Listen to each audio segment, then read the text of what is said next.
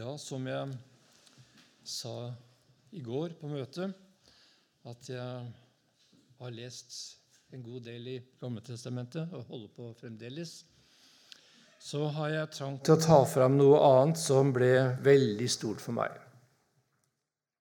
Og er utrolig stort å få lov til å lese og, og grunne på. Og det er fra 2. Samuel kapittel 7.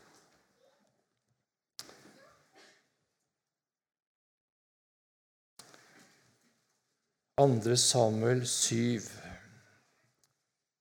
Men vi vil be. Herre Jesus, bryt du livsens brød. Gi oss, Herre, å få lov til å ta imot ditt ord, og at det må få skape troen og oppholde troen, Jesus, på din frelse Jesus. Herre, se til oss alle. Ja, vi skal lese noen vers. Vi ser i vers 1 som eh, David nå bodde i sitt hus, og Herren hadde latt ham få ro for alle sine fiender rundt omkring, sa han til profeten Natan, se, jeg bor i et hus av sedertre, men Guds ark bor mellom telttepper. Natan sa til kongen, gjør bare det du har i sinne, for Herren er med deg. Men samme natt kom Herrens ord til Natan, og det lød slik.: Gå og si til min tjener David, så sier Herren, skulle du bygge meg et hus til å bo i? Og så hopper vi ned til vers 11 og siste halvdel. Og nå forkynner Herren deg at Herren vil bygge deg et hus. Når dine dagers tall er fullt, og du hviler hos dine fedre, da vil jeg efter deg oppreise din sønn som skal utgå av ditt liv, og jeg vil grunnfeste hans kongedømme. Han skal bygge et hus for mitt navn, og jeg vil trygge hans kongetrone til evig tid. Jeg vil være hans far, og han skal være min sønn. Når han gjør det som er ondt, vil jeg tukte ham med menneskers ris og med menneskebarns plager. Men min miskunnhet skal ikke vike fra ham, således som jeg lot den vike fra Saul, han som jeg lot vike før deg. Fast skal ditt hus og ditt kongedømme stå til evig tid, og ditt åsyn, din trone skal være grunnfestet til evig tid. Alle disse ord og hele dette syn bar Natan frem for David. Da gikk kong David inn og ble der inne for Herrens åsyn, og han sa, Hvem er jeg, Herre, Herre, og hva er mitt hus, at du har ført meg hertil? Og enda var dette for lite i dine øyne, Herre, Herre, og du talte også om din tjeners hus langt frem i tiden. Og dette er loven for menneskene, Herre, Herre. Amen. Ja, David fikk en tanke, og det var at han ville bygge et hus for Gud. Der skulle Gud bo, der skulle han være, der kunne David oppsøke han. Der var Gud nær tilgjengelig for David. Og jeg vet ikke om at du også kanskje har tenkt slik i livet ditt at du har lyst til du også å bygge et hus for Herren i ditt hjerte. Ja, og det er en, det er en, en god tanke så langt. Men da er det underlig å høre hva Gud sier. Tenk at Gud sier det. David, skulle du bygge et hus for meg? Hvordan skal du kunne det? Når vi leser litt lenger bakover i 2. Kronik 28,3, så ser vi det at eh, David kunne ikke bygge dette huset for Herren fordi han var en kriger og han hadde utøst blod. Det var en fredens mann som måtte bygge et tempel for Herren. Men det var ikke David. David var en synder, han. Og om du og jeg også ikke har eh, gått eh, til krig med våpen og slik som David gjorde, så er du og jeg også syndere.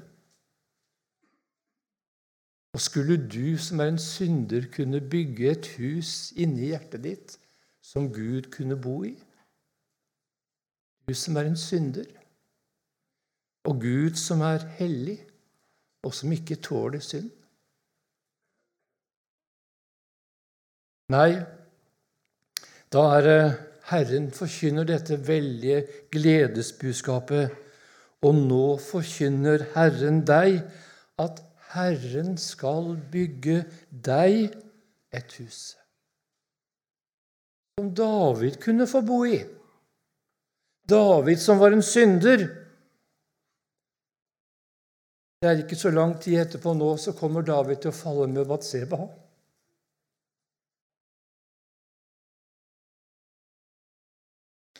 Gud visste om David.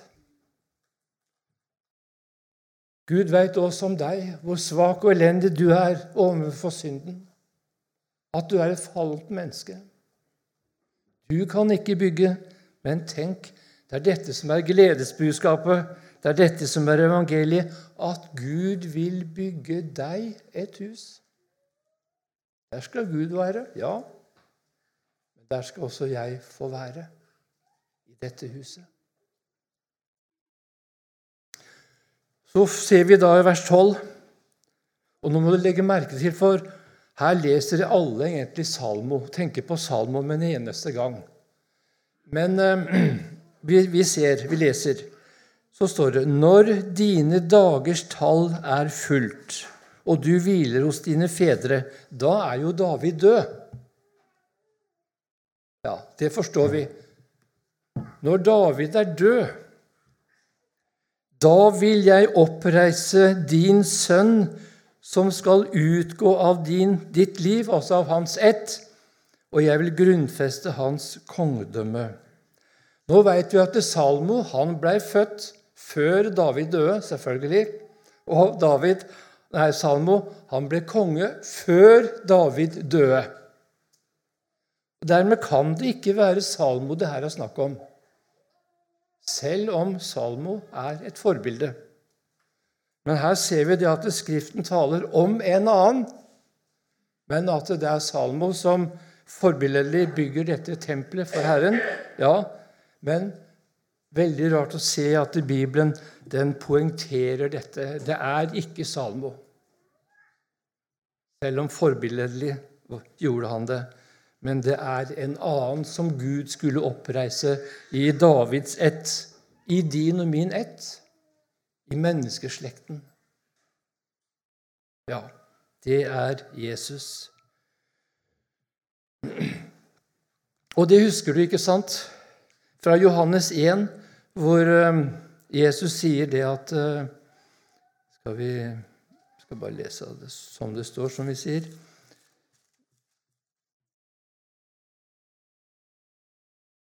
Johannes 2, 19. Jesus svarte og sa til dem, Bryt dette tempel ned, og på tre dager skulle jeg gjenreise det. Da sa jødene, i 46 år har vært bygget på dette tempelet, og du vil gjenreise det på tre dager. Men han talte om sitt legemes tempel. Du, her var det sanne mennesket. Her var et sant menneske her hadde Gud selv i sin sønn blitt menneske. Det fullkomne mennesket. Han som var uten synd. Han som aldri hadde sagt Maria og Josef imot. Han som alltid av hjertet hadde elsket far og mor, elsket sine søsken, elsket sine medmennesker. Elsket Gud av hele sitt hjerte, all sin sjel. Og du, vi, vi, ser det ikke sant når Jesus sitter i, i tempelet som tolvåring. Visste dere ikke at jeg måtte være i min fars hus? Ja, det var dette forholdet du skulle ha til Gud, og jeg også. Og så er det umulig for deg og meg fordi at vi er syndere. Og så ser vi at Gud ble menneske i menneskeslekten, i syndig kjøts lignelse. Og så vant han over synden, over Satan og over døden. Ja, han gjenreiste, gjenvant det som syndefallet fikk ødelagt i menneskeslekten. Han skal være konge, han skal herske, han skal regjere til evig tid, sier, sier eh, Gud til David om denne sin sønn. Er Jesus er huset som Gud har bygget for deg og meg. Bygget for syndere. Ja, for alle syndere. Hans, eh, hans, rike, hans nåde, det skal stå fast i levetid. Og så ser vi vers 14.: Jeg vil være hans far, og han skal være min sønn. Ja, slikt forhold hadde de. Det var fullkommen fred mellom Jesus og Gud. Og så er det dette huset jeg og alle syndere skal få lov til å flytte inn i og ha dette forholdet til Gud som Jesus hadde. Men så står det når han gjør det som ondt er.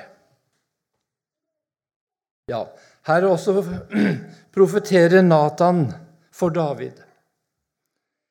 Når han gjør det som ondt er, vil jeg tykte ham med menneskers ris og med menneskebarns plager. Oi, oi, oi når han gjør det som ondt er. Så leser vi om at han gjorde ikke noe ondt. Men så leser vi at han som ikke visste av synd, han ble gjort til synd for oss. Og når Jesus ble gjort til synd for oss, så ligger det i dette at Gud ser på Jesus som om det er Jesus som har gjort alle dine synder. Ja. Han som ikke visste av synd, han ble gjort til synd. Ikke at du som har gjort alle disse syndene, du skal få bli tilregnet Jesu rettferdighet som om du aldri har gjort noen synd. Men at du har gjort bare rett og riktig og vært slik du skulle være. Det har du fått av Jesus Bytt deg plass. Altså Dette at Jesus ble gjort til synd, det er så personlig ikke sant? at det er som Jesus har gjort det. Ja, underlig. Og motsatt. Når jeg får del i Jesu frelsesverk, så er det som jeg har gjort og vært slik. Det er underlig, ikke sant, i himmelen, hvor eh, Johannes får se inn, og så ser han et lam like som slaktet, som om det har gjort noe galt. Og så står bruden der uten plett og rynke, som om hun aldri har gjort noe galt. Det er frelsen. Det er frelsen Gud har ordnet med for syndere. Da vil jeg tykte ham med menneskebarns ris. Du har lest Isaias 53. Han ble knust, og han ble slått. Ja, han gjorde det. Og jeg tenker det at når David fikk høre dette om, om Jesus og Messias, som skulle bli gjort til synd, som skulle bli slått, som skulle bli tuktet, og det til gangs han skulle rope, 'Min Gud, min Gud, hvorfor har du forlatt meg?' Så kommer det opp et spørsmål David. Når han blir gjort til synd, kan han da frelse meg? Og det får vi svar på i neste vers. Men Min miskunnhet skal ikke vike fra ham, slik som jeg lot den vike fra Saul, han som jeg lot vike for deg. Men min miskunnhet Så forsikrer Gud David at om Jesus må igjennom denne forbannelse og sone vår synd, så skal Gud aldri ta vekk sin miskunnhet imot Jesus. Det vil si, sagt med litt andre ord, Jesus skal være til fullkommen frelse. Gjennom denne sønnen så skal Herrens miskunnhet strømme ut til alle syndere som bøyer seg, som vender seg til Han i sin nød. Det ble så stort for meg når jeg leste det her igjen, både dette at Gud vil bygge meg et hus. Og han har gjort det i Jesus. Og det er ferdig. Og det skal ikke legges noen ting til. Og ved dette huset så har jeg fred med Gud. Og så forsikrer Herren meg at denne nåde som har blitt meg til veie ved Jesus, den skal ikke vike. Fra denne person, fra Jesus, så strømmer det ut nåde og velsignelse. Kom til dette huset. Kom til dette huset. Her står det fast dette er, dette er et hus, dette er en frelse som er ordnet i stand til evig tid. Til evig tid. Ja, her skal jeg få bo. Vi har huset, ikke sant? Jeg bor på Sira, har et enkelt hus der. Det er mitt hjem. Der får jeg være om det er solskinn og regnvær og torden og, og natt og mørke. Der bor jeg. Og så skal jeg få lov til å bo slik i Jesus. Jeg vil bygge deg et hus, sier Herren. Ja, dette blei veldig stort for David. Da gikk kong David inn og ble der inne for Herrens åsyn, og han sa:"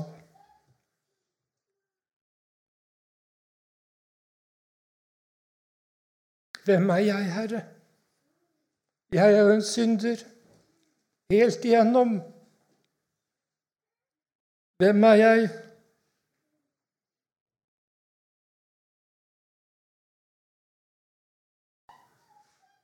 At du har ført meg hit, til dette huset.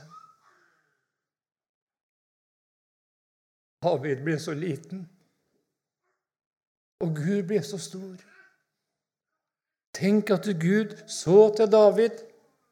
Tenk at Gud har sett til deg i din nød. Han har gjort det som var umulig for deg. Det har han gjort til Jesus. Og denne miskunnhet, denne nåde, tar aldri slutt. Den skal ikke vike. Ja, det er, det er veldig stort. Og så ser vi da at David han skjønner her at uh, i vers 19 og enda var dette for lite i dine øyne, Herre, Herre, og du talte oss om din tjeners hus langt frem i tiden. Og dette er loven for menneskene, Herre, Herre.